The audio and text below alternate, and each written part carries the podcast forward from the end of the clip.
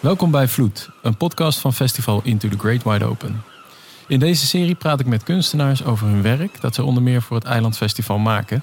We luisteren muziek, we luisteren naar hoe Vlieland klinkt en we bespreken de aloude vraag: verandert kunst de wereld of verandert de wereld de kunst? Mijn naam is Leendert van der Valk. Deze podcast wordt opgenomen in het podcastkantoor van David Achter de Molen. En vandaag het eilandgeluid van schrijver, dichter, performer en drummer Joost Omen.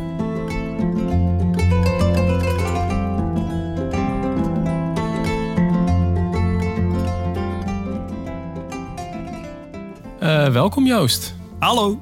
Hi, heel fijn dat je er bent. Um, ook omdat ik uh, weet dat jij, uh, en onder andere gelezen heb in jouw debuutroman, dat je wel um, op een soort missie lijkt om veel vrolijkheid te verspreiden. Of zeg ik dat nou meteen, maak ik het nou meteen al te groot? Nee, dat, dat klopt wel een beetje. Ja, dat ja. kunnen we wel gebruiken. In deze zware tijden. Ik denk het wel. Dus de, tenminste, ja, weet ik niet. Misschien is er wel achter de deur heel veel vrolijkheid, maar je ziet het zo niet, niet, niet zo duidelijk. Dus ja. Ja, jij ontdekt vrolijkheid in dingen waarvan, waar wij misschien overheen kijken. Ja, ja of, of juist ook dingen waar, waar je niet overheen kijkt, maar die wel zo recht voor je neus zijn, maar waar, waar niet de bedoeling van is om vrolijk van te worden. Aha. Van koelkasten en zo. Die, daar, daar kun je vrolijk van worden van een koelkast. Ja, ja, ja. ja. ja. We gaan het daar zeker over hebben. En ik, maar ik ga je eerst even nog wat verder introduceren, anders weten de mensen helemaal niet wie Joost Omen is. Uh, in vorige afleveringen van, uh, van deze serie hebben we onder andere beeldend kunstenaar Marjolein Boterbrood gehad. En uh, componist Sarah Neutkens, die hun eilandgeluid lieten horen. maar met jou um, duiken we in de literaire kant van Vlieland misschien wel. en van het festival. Ik heb hier het, het Perenlied liggen. Dat is het, het boek waar ik net al even aan refereerde. Uh, jouw, uh, jouw debuut uh, als romancier. En het is een heel ja, ontroerend en, en vrolijk boek. vol groenten en vruchten. En een meisje dat wordt geboren uit een pan bietensoep. Um, ik ga me niet vragen aan een verdere precieze... ik vind dat je het best goed ervan af bent. Ja, precieze samenvatting van dit. het is een redelijk absurdistisch, maar daarom ook erg leuk verhaal. Um, je moet me zomaar corrigeren als ik dingen zeg die niet kloppen. Um, maar daarop prijkt ook een uh, sticker met uh, de Volkskrant Literair Talent 2021. Dat is, uh, lijkt mij een fijne titel om te krijgen.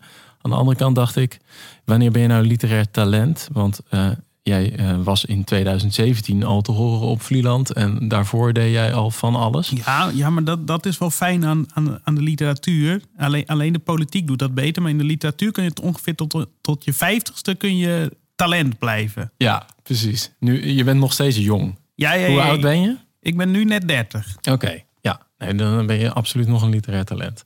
Fijn. um, Ik zei al even, in 2017 was je op, uh, op Vlieland bij Into the Great Wide Open. Wat deed je daar eigenlijk? Uh, nou, uh, in 2017 was ik onderdeel van het programma The Lost Poets. En dat hield in dat we, dat we met een groep dichters en tekstschrijvers allemaal een werk maakten voor, over Vlieland. Uh, en die werken werden opgenomen in een hele mooie studio zo in Amsterdam uh, met een hele chique uh, hengelmicrofoon. Dat, dat, was heel leuk. en die werden dan in een soort met koekoeksklok en annex vogelhuisjes gestopt. En op de plek waar, op het eiland waarop ze geïnspireerd waren, werden ze neergezet. En dan kon je daar langs wandelen. Mm -hmm. Maar tijdens het festival waren al die dichters die deelnamen, waren ook aanwezig. En die moesten dan de uh, bands aankondigen. Dat was heel leuk, want dan kreeg, dus, uh, de, de, kreeg het publiek dus ongeveeld uh, poëzie door de strot geduwd. En sommigen vonden dat ook leuk. Kijk, dus er werden meerdere vliegen in één klap ge, ja. ge, geslagen daar. En um, in vogelhuisjes, hoe, hoe, moet ik dat voor me zien? Ja, dat soort met ja, ja, hele kleine hutjes op een paal. Oh, oh, oh, een vogelhuisje. Oh nee, oké. Okay. Dus op een paal. Niet een vogelkijkhut, maar echt nee, waar nee, normaal nee, echt op een, op een paal. Vogel. Ja, waar, ja. waar een vogel in woont. Maar ja. dan zit er dus een gedicht in. Dan zit er een gedicht in. Oké. Okay.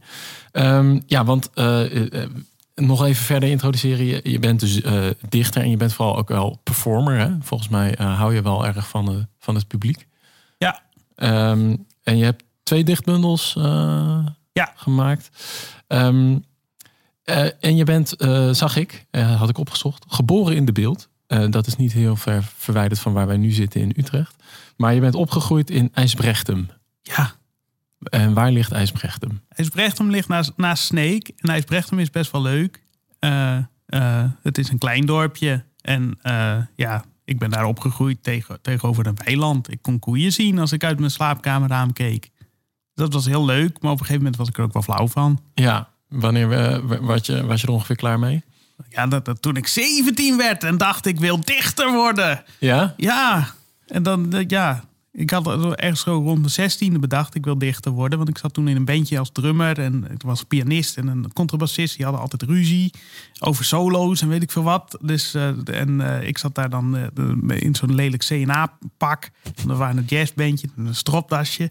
Dan was ik al altijd heel netje tien, tien, tien, tien, tien aan het slaan. Op een gegeven moment was ik daar flauw van. Dus toen dacht ik, ik wil wat verzinnen wat ik in mijn eentje kan doen met ritme. En toen dacht ik, dan moet ik gedichten gaan schrijven. Dus toen ben ik gedichten gaan lezen en toen gaan schrijven. En de, toen dacht ik, dit is zo leuk, dat wil ik er wel de rest van mijn leven doen. Hm. Ja, dus dat ben ik toen maar gaan, gaan doen. Ja, en toen bleek je ook nog met woorden eh, overweg te kunnen. Ja, nou ja, in het begin natuurlijk niet. Toen was het gewoon ronduit heel, heel erg slecht. Maar ik vond het wel heel interessant. Dus ik weet nog dat ik... eh, ik, ik begon met een bundel van Loetje Bert. Want die kon ik toevallig vinden bij mijn ouders in de kast. Ehm, en eh, toen bleek... Nou ja, daar achterin dat bundeltje zat zo'n biografische beschrijving... over allemaal wilde feesten. Maar ook over alle collega's van, van, van Loetje Bert. Dus toen kwam ik uit bij Remco Kampert. En ook bij Simon Vinkenoog. En Simon, toen was YouTube net een ding. Dus toen ging ik dat allemaal opzoeken over Simon Vinkenoog. En met zijn verzameld werk zo in de bosjes zitten en het zelf voorlezen en hopen dat ik in trance zou raken en zo. Maar dat, ja, dat gebeurt dan niet. Maar het was wel heel leuk. En jij zonderde je echt af met een, met een dichtbundel ergens in de natuur. Ja, nou ja, waarschijnlijk heb ik dat in totaal drie keer gedaan. Maar het voelt nu al als dat is eh, de ontstaans. eh, Ja. eh, ja. Uh-huh.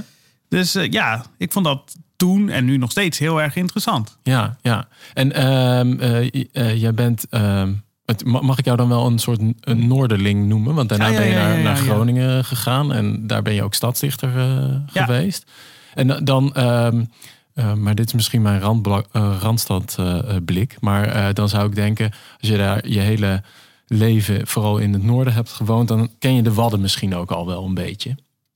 Kwam jij, was je al eerder op Vlieland geweest? Eh, ja, ik was ook wel eerder op Vlieland geweest. En ook eh, nou ja, op alle Waddeneilanden. Want ja, dat is eh, het vakantieoord voor iedereen die in het noorden woont. Mhm.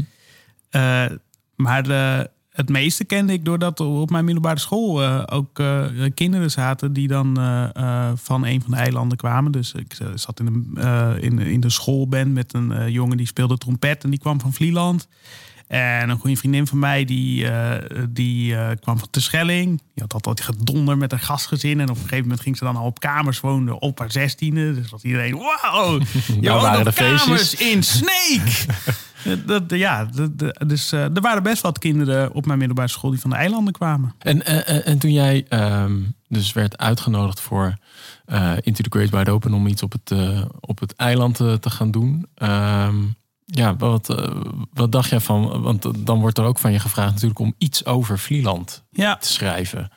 nee, Had je daar al meteen een idee bij? Nee, want ja, ik, eerst maar eens kijken. Mhm. Maar eh, ja, ik, ben toen, eh, ik werd toen uitgenodigd om inderdaad wat te schrijven. En toen ben ik dat, heel, dat hele eiland rond gaan fietsen natuurlijk. En overal kijken en doen en weet ik veel wat. En dat, het eiland is nogal imposant. Eh, maar Ja, leg eens uit. ja, het is zoveel natuur. En Oh. zulke bijzondere natuur ook. En eh, ja, ik, ik was daarvoor voornamelijk op Terschelling geweest. En Terschelling is ook heel leuk. Maar Terschelling is eh, veel minder echt een eiland. Het is wel een eiland, maar je merkt er niet zoveel van. Of je merkt het wel, maar minder dan op Vlieland. Waar je, ja, op een gegeven moment stond ik echt boven op zo'n duin. Eh, en dan kijk je naar de ene kant dan zie je de zee. En dan kijk je naar de andere kant en dan zie je ook de zee. Eh, en ja, dat, ik, ja dat, dat is iets heel bijzonders, vind ik. Mhm. Ja, je ziet, je stond echt op de, op de punt van het eiland, zeg maar, waar je. Ja, je staat op een soort met natuurlijk bootje. Ja, ja. En, en, en wat doet dat dan voor, eh, voor jouw creatieve proces? Want jij moet daar dan iets van gaan, over gaan vertellen. Ja, ja, ik weet niet. Mijn, mijn meest logische, uh, mijn, mijn, mijn go-to uh, reactie is dat ik, dat ik dan denk: ik moet gaan jubelen over hoe super dit allemaal is. Uh, maar ja, in het geval van, van dat moment op Vlieland, dat ik bij, bij de zeeën tegelijkertijd kon zien en er ook nog zo'n blauwe lucht bovenop gestapeld lag. Uh, dat vond ik wel zo'n interessant ding, die spiegeling. Dat ik dacht, hoe kan ik dat in taal vangen? Mhm. Hoe kan je uh, ja, een spiegel vangen? Ja, en uh, um, maar toch nog eerst even, want we gaan dan het gedicht ook horen. Oh ja, ik dacht ik praat er alvast naartoe. Ik vond, het, ik vond het ook heel erg mooi, maar ik bleef toch ook zelf nog even hangen op één ding. Want dat jouw eerste reactie blijkbaar is om te gaan jubelen. Terwijl ik zou ook die jongen die dan uh, opgroeide met, uh, of die, die met een dichtbundel ergens in de natuur ging zitten, zou je ook kunnen denken, oh de serieuze dichter die daar dan ja, vooral diep gaat filosoferen. Ja, maar het, nee, ja, maar het is niet, niet serieus. Het is geen grapje dat, dat, ik, de, dat ik er zo gelukkig van word. Uh, ja. Nee, dat wil ik ook niet beweren. Maar misschien denk je aan de. Zou, zou ik denken aan de, de dichter die daar dan vooral heel lyrisch gaat zitten worden. Maar dat is nog wat anders misschien dan jubelen. Ja, weet ik niet. Ik denk dat het volledig doorgevoerd lyrisch zijn dat je dan bij jubelen uitkomt. Hm. Want alles is ook mooi. Moet, moeten we dan toch gewoon hier de poëzie dan maar laten spreken? En dat mooie bruggetje wat jij net zo mooi had gemaakt. Ja, ik weet, het is een interessante vraag. Of, en ik weet ook niet precies. Ik snap wel wat je zegt. En ik ben het ook wel mm, met je eens. En ik denk dat in 2017 misschien ik zelf ook nog niet mezelf zo toestond. Dit klinkt heel suf, maar om dan uh, die vrolijkheid en die uh, blijdschap, om, omdat je op zo'n mooie plek bent. Uh, in de poëzie te stoppen. Waar ik dat nu, vier jaar later, wel een heel legitiem onderwerp vind. Mm. En een legitieme toon om in je, in je gedicht te gebruiken. Terwijl uh, dat contempleren of zo, uh, dat, dat uh, lyrisch nadenken en zo, dat, dat ik toen in 2017 waarschijnlijk dacht dat dat het ding is wat dichters doen. Mm. Maar ja, nu is 2021 en ik, ik zie mijn collega-dichters toch amper, want iedereen moet binnen zitten. Dus ja, wat heb ik ermee te maken wat dichters doen? Zo is het ook, ja. ja. Ja. Laten we gaan luisteren naar de, ja, de Vlieland als spiegel. Zee maal 2. Zee maal 2, binnen en buiten, op zoek naar een ei, op zoek naar een kwal, op zoek naar een zee, zee maal 2. Zee maal 2 blauw en blauw, geel onder geel. Zee maal 2 met grote ogen bij de horizon. Is het zee maal 2 neem spiegel mee. Leg hem vlak voor de zee op de zee. Zee maal 2 reken af aan de zee waar de zee wordt er 2. Met grote lange zetten rond de wolken. Is de 2 maal zee anderhalf in de zee, is de zee op zoek naar 2 maal binnen. 2 maal buiten wordt de zee nu 4 maal zee, wordt 8 maal zee, wordt 16 maal zee, 16 zee, 16 zee, 16 zee is weg ermee. Tweemaal zee, binnen en buiten, gele zee op blauwe zee. Is tweemaal zee, is zee maal twee, is zee en zee en zee. Wauw. Hoepla. Hier moet dan het, uh, het applaus komen. Ja, en, maar uh, dat, dat hebben we nu dat niet. hebben we nu niet meer. Dat zetten we er nog onder. Uh, nee, dat is hartstikke mooi. ik, en ehm, ik vraag me dan af hoe, uh, dat hoorde je dus in zo'n soort vogelhuisje. Heb je eigenlijk gezien hoe mensen daarop reageerden? Ja, nou ja, dat is wel grappig dat je dat vraagt. Want uh, um, we moesten dus steeds voordragen voor een, voor best groot publiek. Omdat uh, die, dat publiek stond dan te wachten op een band. En dan moesten wij voordragen als dichters daarvoor. Uh, dus het was allemaal best wel.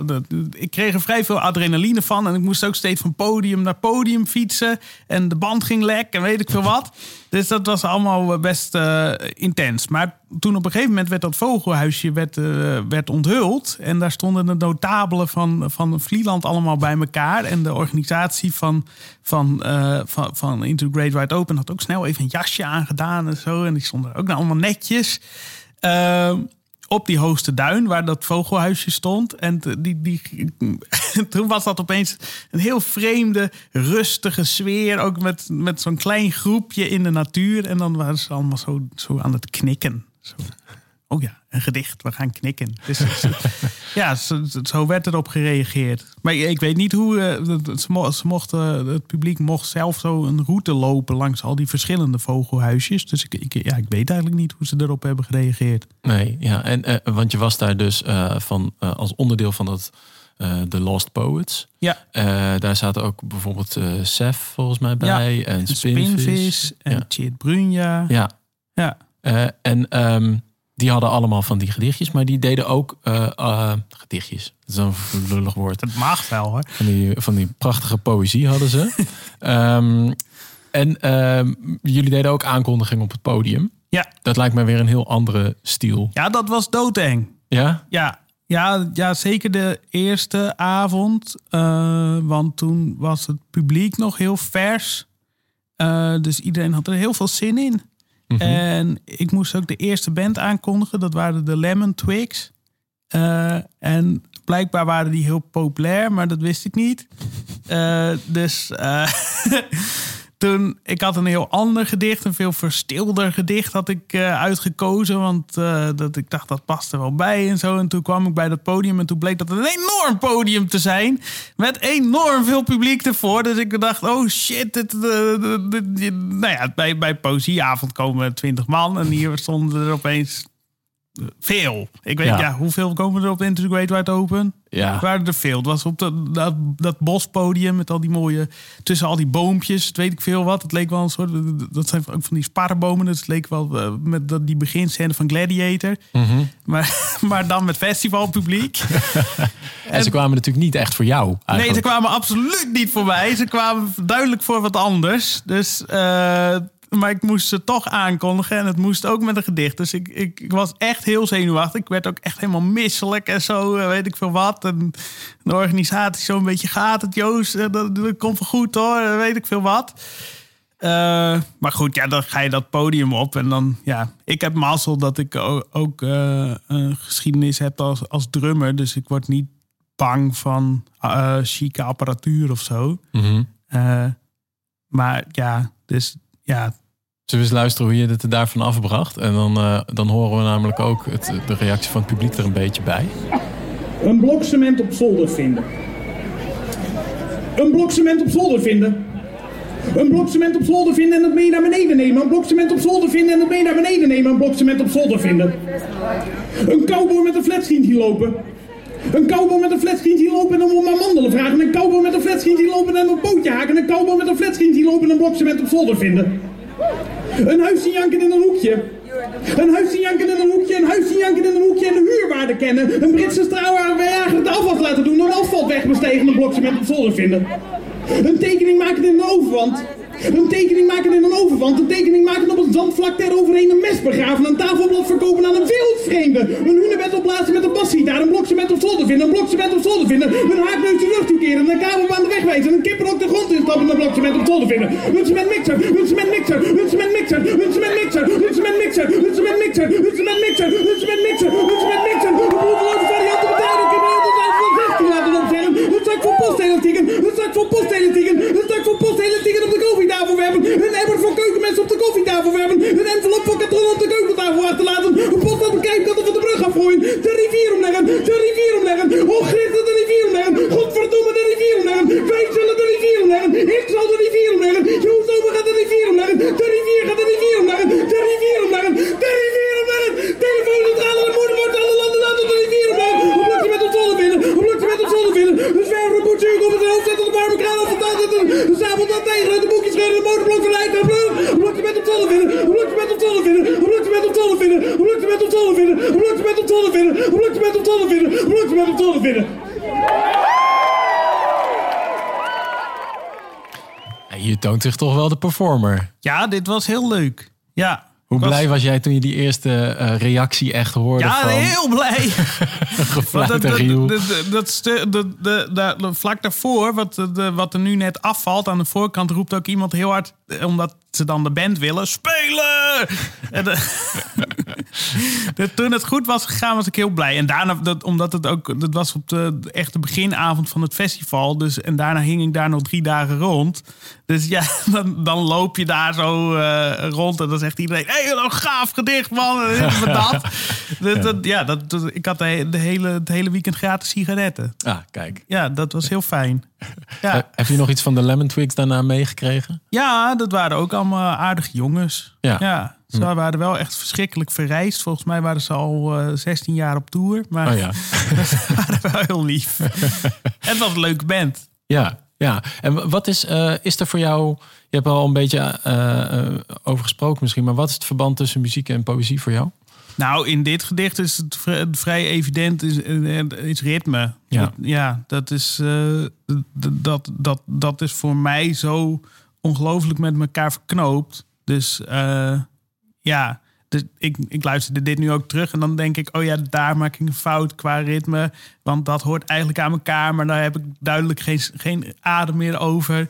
Dus dat, dat, ja, dat soort dingen. Mhm. Eh, ja, dat, dat, dat, dat is voor mij één en hetzelfde. Daar luister je toch als een, als een drummer nog steeds Ja, dat is allemaal...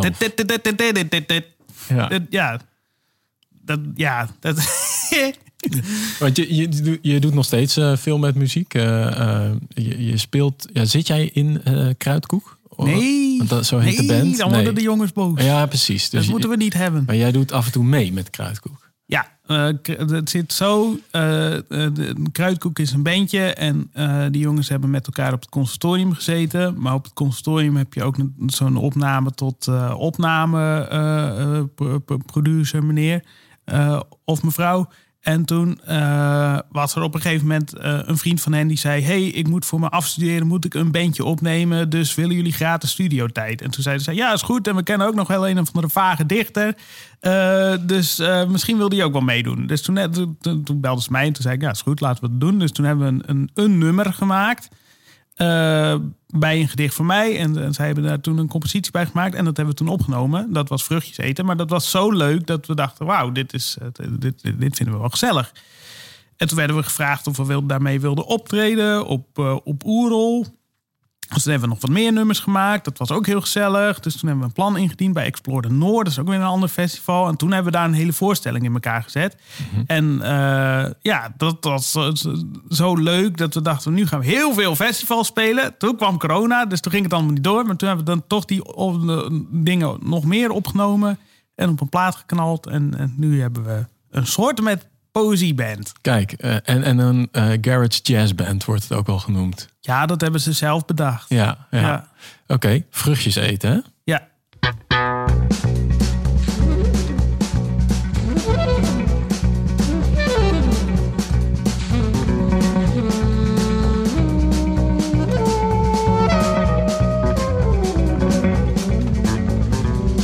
Dit is het gedicht Vruchtjes eten. Want in dit gedicht zal ik voor jullie de vruchtjes eten.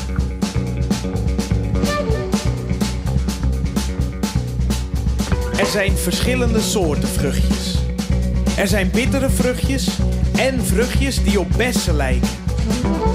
Er zijn gele vruchtjes, rode vruchtjes, vruchtjes die je alleen moet eten op een brug over een rivier. Er zijn vruchtjes die je per emmer koopt en vruchtjes die je maar één keer in je leven ziet. Er zijn vruchtjes die te groot zijn om op te eten en vruchtjes die naar boterhammen smaken. Er zijn vruchtjes die verzonnen zijn.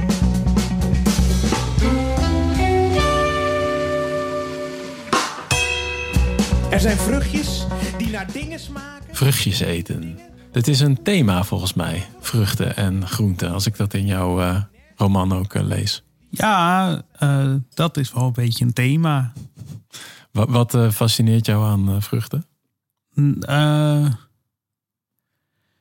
poeh, eh, twee dingen denk ik. Dat, dat jubelen waar we het net over hadden, dat dat een legitiem, legitieme manier is van poëzie maken, heeft voor mij heel erg te maken met het feit dat ik bedacht, ik mag over vruchten schrijven. Eh, die dingen zijn heel vrolijk en, en, en heel mooi en kleurrijk. En, en eh, ja, dus die twee dingen zijn voor mij heel erg verknoopt. Mhm. Eh, dat is één. En het tweede is dat ik samen met mijn beste vriend Willy Dark trouwens een voorstelling maakte op een parkeerplaats op de Schelling een keer. Die heet O Ratelslang Geel Beest. En Willy was al heel erg met groente en fruit bezig. Eh, en eh, in die voorstelling is hij dood en ga ik samen met het publiek hem tot leven wekken. En daar gebruiken we heel veel groente en fruit voor. Dus hij wordt dan geaaid met een prei en eh, mensen moeten blauwe besjes op hem herschikken en zo.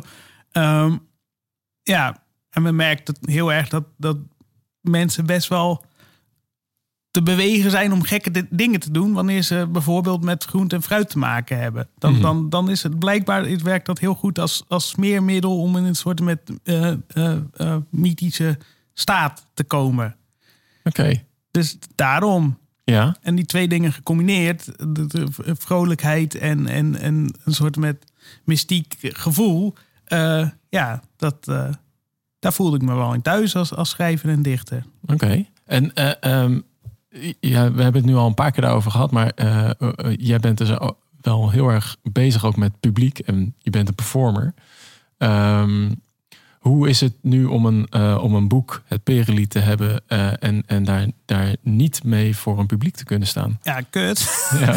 Ja, nee, ja, dat is heel kut. En dat mis ik heel erg. Zeker als je me nu dit soort dingen laat horen. Dan denk ik van... Met publiek erbij. Ja, dan, dan mis ik het heel erg. Maar aan de andere kant is het nu natuurlijk ook wel fijn dat er nu een roman is. Eh, want eh, ik kan moeilijk een hele roman voor gaan lezen. En dit, ja, zo'n gek vehikel als een, een, een, een vierkantje van, van, van, of een stapeltje papier met een kaft eromheen. Blijkbaar kun je dan toch nog via dat met de mensen spelen. Eh, of in ieder geval ze, ja, ze wat, wat anders brengen dan ze, dan ze normaal doen. Dus ja, dat, dat, dat is wel het grote geluk eigenlijk. ja. Eh, maar ja, ja, het, het liefste zou ik er natuurlijk ook mee optreden en uit voorlezen. En weer voor grote groepen mensen die eigenlijk naar de Lemon Twix komen kijken staan. Wat, wat zit, eh, een roman is iets anders dan een, eh, dan een gedicht natuurlijk. Dus eh, eh, is hier ook ritme weer zo belangrijk bij Ja, geweest? minder. Eh, Het is wel belangrijk. Eh, zeker in de wat lyrische passages. Dus eh, hier bijvoorbeeld voor dit boek heb ik ook weer veel naar Elvin Jones geluisterd. Wat een, wat een jazzdrummer is. En die, die als hij een, een, een, een stuk speelt... eh, hij, ten eerste valt hij echt zijn, zijn drumstijl aan. Dat is echt een beetje eng als je dat ziet. En ten tweede, als hij langere passages speelt... dan lijkt het net alsof hij met zijn hele drumstel van de trap flikkert. En dat, dat vond ik heel interessant om te kijken of je dat ook in taal kunt doen. Dus er zitten passages in dat het echt zo... Doek, doek, doek, doek, doek, doek, eh, hele lange zinnen die naar beneden donderen. eh, maar wel vrolijk zijn. Dus ja, dat, dat, dat speelt er wel in. Maar eh, waar bij zo'n gedicht als een blokcement op zolder vinden... draait het veel meer echt puur om het ritme... en minder om het beeld wat je met je zinnen maakt. En in een roman en ook bijvoorbeeld zo'n gedicht als Vruchtjes heet het... draait het weer meer om het beeld. En je weer een, echt een plaatje aan het plakken in, in iemands geest. En dat iemand wat ziet. Ja. En, en is, eh, is eh, het Perelied ook een coronaboek geweest? Heb je het geschreven tijdens de pandemie? Eh, ja en nee. Eh, ik heb het vooral geschreven in januari 2020. En dat heb ik dus nu de spijt van. Want ik, eh, ik heb me ook heel erg ingehouden bij Oud en Nieuw 2019, 2020. Want ik dacht, ik moet straks... ik, ging, ik ga me heel, heel januari opsluiten om een roman te schrijven. En ik zou dan ook naar, naar, naar Zeeland gaan... waar je een leuke kleine residentie hebt. Dus had ik helemaal alleen de hele maand. Ik was me ontzettend aan het aanstellen. Eh, maar toen heb ik dus die hele roman afgemaakt. En, en of, ah, nou ja, ge- gevormd in een maand. Waarin ik al mijn vrienden niet heb gezien en weet ik veel wat. Toen heb ik in februari nog leuke dingen kunnen doen. En daar was corona. Dus eigenlijk eerlijk gezegd heb ik daar wel een beetje spijt van.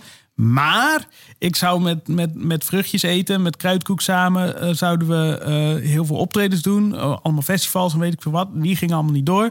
En dat was heel jammer. Dat had ik natuurlijk heel graag gedaan. Maar doordat ik doordat die niet doorgingen, kon ik me wel volledig ook in de zomer concentreren op, op het Perenlied. En daardoor is het boek denk ik wel beter geworden dan wanneer ik wel de hele tijd aan het optreden was. En uh, ja, optreden is klaar. Nou, dan laten we nog wat bier drinken. En goh, we zijn hier nu al drie dagen. Misschien, uh, ja, dus ja, dat, het is wel iets beter geworden, denk ik, door de corona. Ik had mm toch liever gehad dat er geen corona was. En is het ook nog anders geworden door corona, denk je?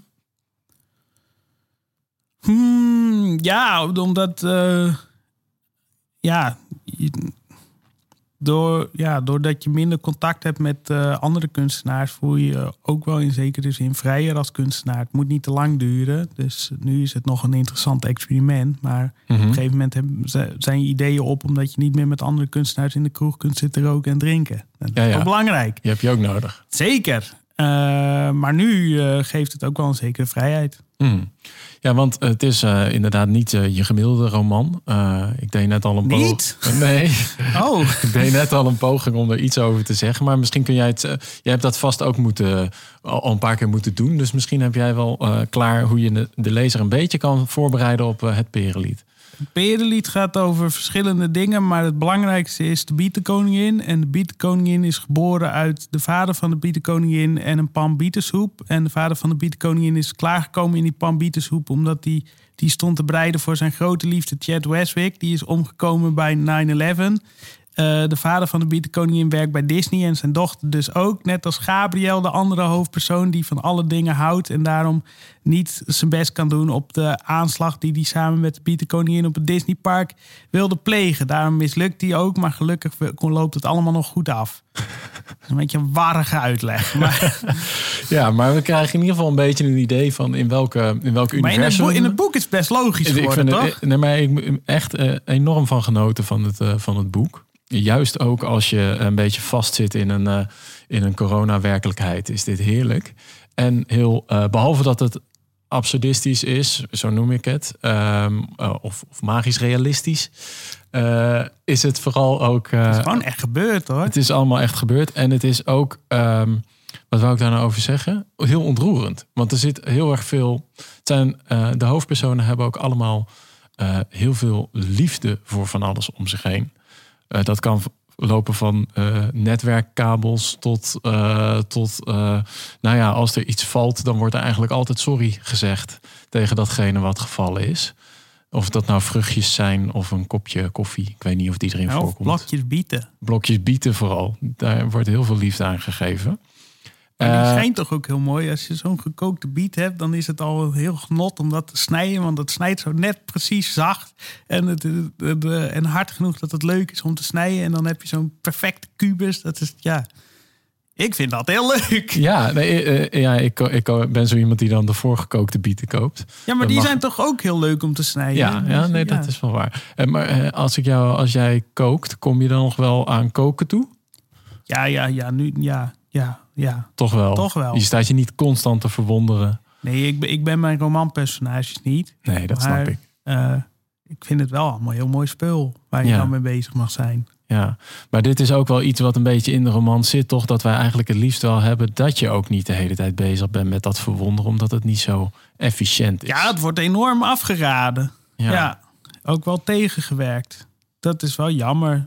Want ja, zeker nu. En ik bedoel, we hebben uh, ja, al nu al jaren een, een, een extreem pragmatische minister-president. Mhm. En de, de, volgens mij heeft iedereen het nu in zijn hoofd dat we het allemaal vooral heel praktisch moeten inrichten. En daar ageert het boek wel een beetje tegen. Het mag voor mij echt wel wat onhandiger. En dat onhandige zoek ik dan vooral in plezier. Maar misschien hoeft dat niet eens. Misschien mag het ook wel uit wat anders komen. Dat het allemaal heel bijvoorbeeld dat, ja, dat ze, ik, ze gaan nu Amsterdam Centraal verbouwen. Hè? Dus ik hoop dat ze mhm. nu ook uh, bijvoorbeeld een, een, hoekje inrichten waar dan schapen of koeien kunnen wonen. En dat die dan af en toe zo door de stationhal moeten geleid worden naar een ander stukje gras in het station. En dat je dan je trein mist omdat er een stel koeien langslopen. Dat is natuurlijk heel onhandig. Mhm. en, en, en, en, ja, maar ik denk dat het wel een stuk leuker ervan wordt. Ja, het leven moet iets minder voorspelbaar worden nou, niet, niet, nee, ja, dat, dat moet gewoon echt, uh, ja. Ik word er gewoon een beetje moe van die focus op handig de hele tijd. En Ja. Dat, ja.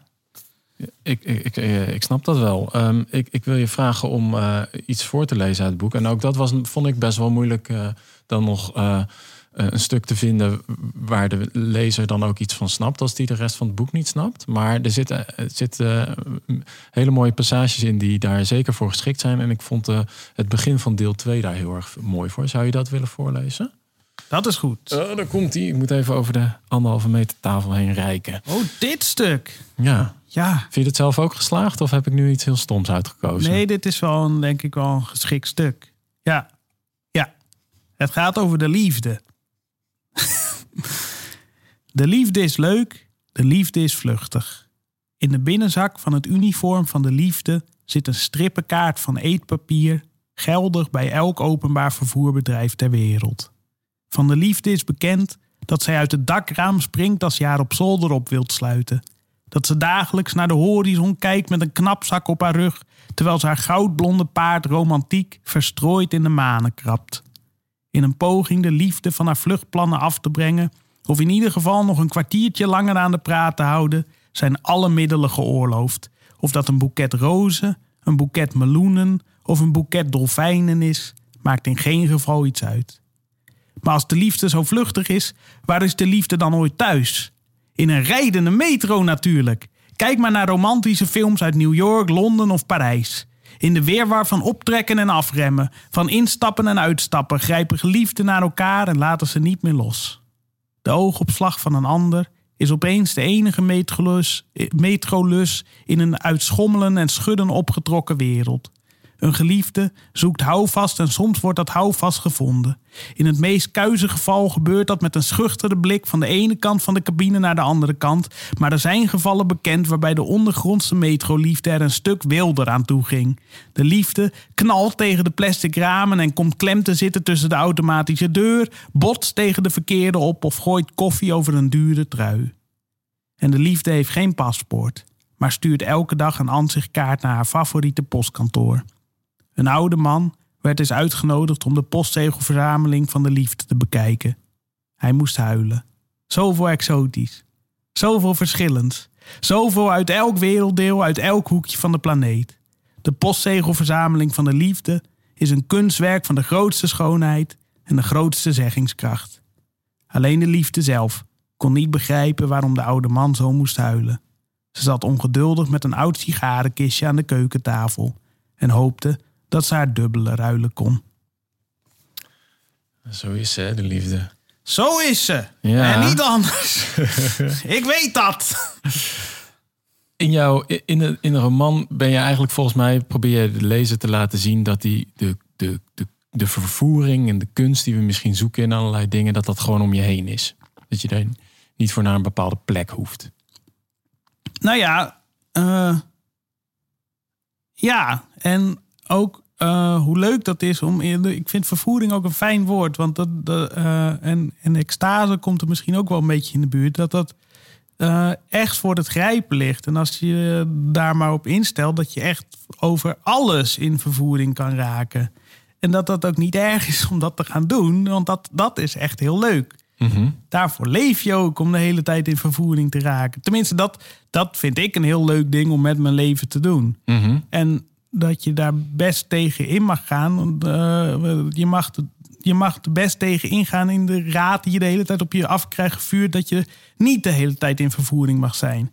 Want ja, er wordt best wel raar naar je gekeken als je midden in de trein opeens helemaal gelukkig wordt van, een, van een, een, een- dat je uitklaptafeltje zo mooi uitklapt. Maar dat is toch best wel leuk om te doen. Ja, Je moet daar niet bang voor zijn. ja. En in het begin van deze podcast stel ik altijd een hele grote vraag eh, in de introductie. En dat is, eh, eh, eh, ehm, maakt de kunst nou de wereld of is het andersom? Wordt de kunst uit de wereld geschapen? Ehm, en, en jij zegt dus eigenlijk, het is er gewoon. Daar hoef je niet eens zoveel voor te doen. Nou ja, mijn kunst is het, ja, het bezingen van de wereld. En kunst is wel wat anders dan de wereld. Eh, maar ja, kunst is aan andere ma- la- mensen laten zien hoe, eh, hoe mooi je de andere dingen vindt. de dingen die je ziet. Denk ik. Maar Laat je ook wel eens iets zien waarvan jij vindt dat het gewoon lelijk is? Dat we even moeten zien hoe lelijk iets is? ja, ja, ja, ja. Ja, Eh, ja soms wel. Maar liever niet. Nou ja, ik probeer het dan vaak ook wel weer goed te maken. Dus bijvoorbeeld, je hebt zo, eh, ja, eh, je hebt hier in Utrecht heb je een, een, een festival, Eeuwvoe. En die, eh, die, die bestonden voor de, voor de zoveelste keer. En die hadden gevraagd, schrijf eens een, een kort verhaal over de tijd van nu. En toen heb ik een kort verhaal geschreven over de mevrouw die, waarvan de cellen nog steeds op kweek zijn. Dus eh, dat, dat is een vreemd verhaal, want er was een mevrouw met, met baarmoederhalskanker eh, eh, in de jaren 50. En haar cellen zijn eh, eruit gehaald om die op kweek te zetten. En die, die, die deden het nogal goed en die zijn oneindig op kweek blijven zetten. En er worden nog steeds heel veel medische experimenten op gedaan. Maar de familie van die vrouw en die vrouw wisten dat helemaal niet dat dat aan de hand was. Dus dat is, dat is een grote schande. En toen heb ik een verhaal geschreven om, om, om, om dat een beetje goed te kunnen maken. Om, dus ik, had, een- ik heb over een mango geschreven in de, in de Amazone die niemand ooit heeft gezien. En die daar helemaal alleen groeit. En die, die, die dan geplukt wordt om aan die mevrouw te geven. En een grote diamant, eh, een enorme grote diamanten bison die ze kan aaien. Ja, Ja, dat, om van dat een- lelijke toch troost. ja, ja, ja, omdat, ja dat is wel het handige aan literatuur. Dat je dat dan, het hoeft niet waar te zijn. Hoeft Mhm. niet echt te gebeuren. Maar toch kan je het dan wel op een waarachtige manier een beetje, beetje goed proberen te maken. En eh, in, je, in het Perenlied eh, ja, heeft Disney daar van alles mee te maken. Hè? Tenminste, tenminste met, de, met het reguleren van in, de- die... in het eh, Perenlied gebeurt het ook. Omdat, ja, dat, eh, voor het Perenlied stond ik bij, bij dat, eh, dat monument voor 9-11. mhm. En daar staan al die namen zo op de rand ge- geschreven. En toen dacht ik wel, ja, dat is heel verdrietig. Want er zullen waarschijnlijk mensen zijn die heimelijk op elkaar verliefd waren. Maar dat nooit meer aan elkaar kunnen vertellen. Omdat de ene kant is omgekomen en de andere niet. Dus ja, ik dacht, dit is wel de uitgelezen kans in een roman om dat eh, ja, goed te kunnen schrijven. Dus Chad Westwick en de vader van de biedenkoningin hebben toch nog verkering gekregen in, de, in een soort van in, in het boek. Mhm, Ja, maar en, maar en tegenover die, die, ehm, die vervoering die je overal kunt, kunt halen eigenlijk, eh, staat, eh, zet jij Walt Disney, waarin het eigenlijk gereguleerd is in een pretpark. Ja, dat is heel erg afgesproken van dit moet je leuk vinden. Dit is het hokje in je leven waar je wel in extase mag raken. En doe dat dan maar daar, want dan, eh, dan hoef je dat in de, ja, de rest van de wereld niet meer te doen. Ja, dat is wel zo efficiënt. Ja, en in sommige dingen is dat heel nuttig om dat zo af te spreken van doe dat dan maar daar, dan hoeft de rest van de wereld niet. Bijvoorbeeld een urinoir is een schitterende uitvinding. Maar eh, in, in extase vind ik dat echt een slecht idee. En hoe kijk jij dan naar eh, een festival? En Is dat dan niet eigenlijk precies hetzelfde? Ja, dat is ook wel gevaarlijk. Dan begeef je je op glad ijs. Ja, maar ik vind dat de dubbele agenda van festivals vind ik altijd wel interessant. Oh, vertel. Nou ja, dat, dat, dat iedereen, de, veel mensen kopen natuurlijk een kaartje om inderdaad gewoon heel, de hele tijd in vervoering en vrolijk te zijn en weet ik veel wat. Maar dan vind ik het wel fijn dat zo'n festival dan ook nog eh, stiekem randprogrammering erin gooit. En dat als je eigenlijk naar de Lemon Twigs komt kijken, dat je dan toch nog een dichter voor je neus krijgt. Terwijl je daar eigenlijk niet om had gevraagd. En dan ga je toch nog met een, met een greintje twijfel en een, en een, een, een, een blik verandering naar huis. Ja. En- Als je daar, bij, bij, dat, dat gebeurt niet als je naar Disneyland gaat. Oké, ja, dat wou ik vragen inderdaad. Dus Ja. Disney is dan toch eh eendimensionaler wat jou betreft. Ja, ja, ja, dat gevaarlijker. Gestroomlijnder ook. Ja. Veel festivals zijn ook een beetje houtje touwtje. Dat Ja. vind ik ook, ja, dat, dat, dat vind ik altijd, ook, ook altijd wel prettig. Ja, dan, dan kun je zomaar opeens een kudde schapen voorbij zien komen. Ja, of je- dat er toch nog één iemand of twee iemand dat het stiekem over het hek geklommen zijn die geen bandje hebben, maar de, de, toch de hele, de hele nacht aan het dansen zijn. Of dat er dan toch nog de burgemeester van Vlieland komt kijken. En, eh, dat- dat- ja, dat, dat- die losse eindjes vind ik dan wel spannender. Ja, ja. Dus misschien gaan we dat nog, eh, nog weer eens een keer meemaken binnenkort, een festival. Ja, het komt allemaal weer goed. Toch? Ik hoop het. Ja, jij Denk zegt ik. het. Ja, ik, ik vaar blind op jouw eh, kompas hierbij, dus we- het komt goed. Ik denk het wel. Ik denk, ja, En anders, en anders blijven we onze vervoering uit stukjes bieten halen. Ja, dat kan ook. Maar ik heb toch ook wel graag weer een, een feest. Ja, hè? Een festival of iets anders. Samen jubelen over bieten is toch een stuk leuker dan in je eentje. Ja, ja, het is ook minder eng. Want als je in je eentje in de trein moet jubelen over je mooie klaptafel... dat is al enger dan met z'n tweeën jubelen over, over een mooie klaptafel. Is dit iets waar je mee bezig bent om dat gewoon toch meer te proberen te doen? In mijn eentje? Ja? Ja, ja, ja, ja. Het gaat ook wel makkelijker. Want ik ben, merk wel dat ik door de corona een stuk...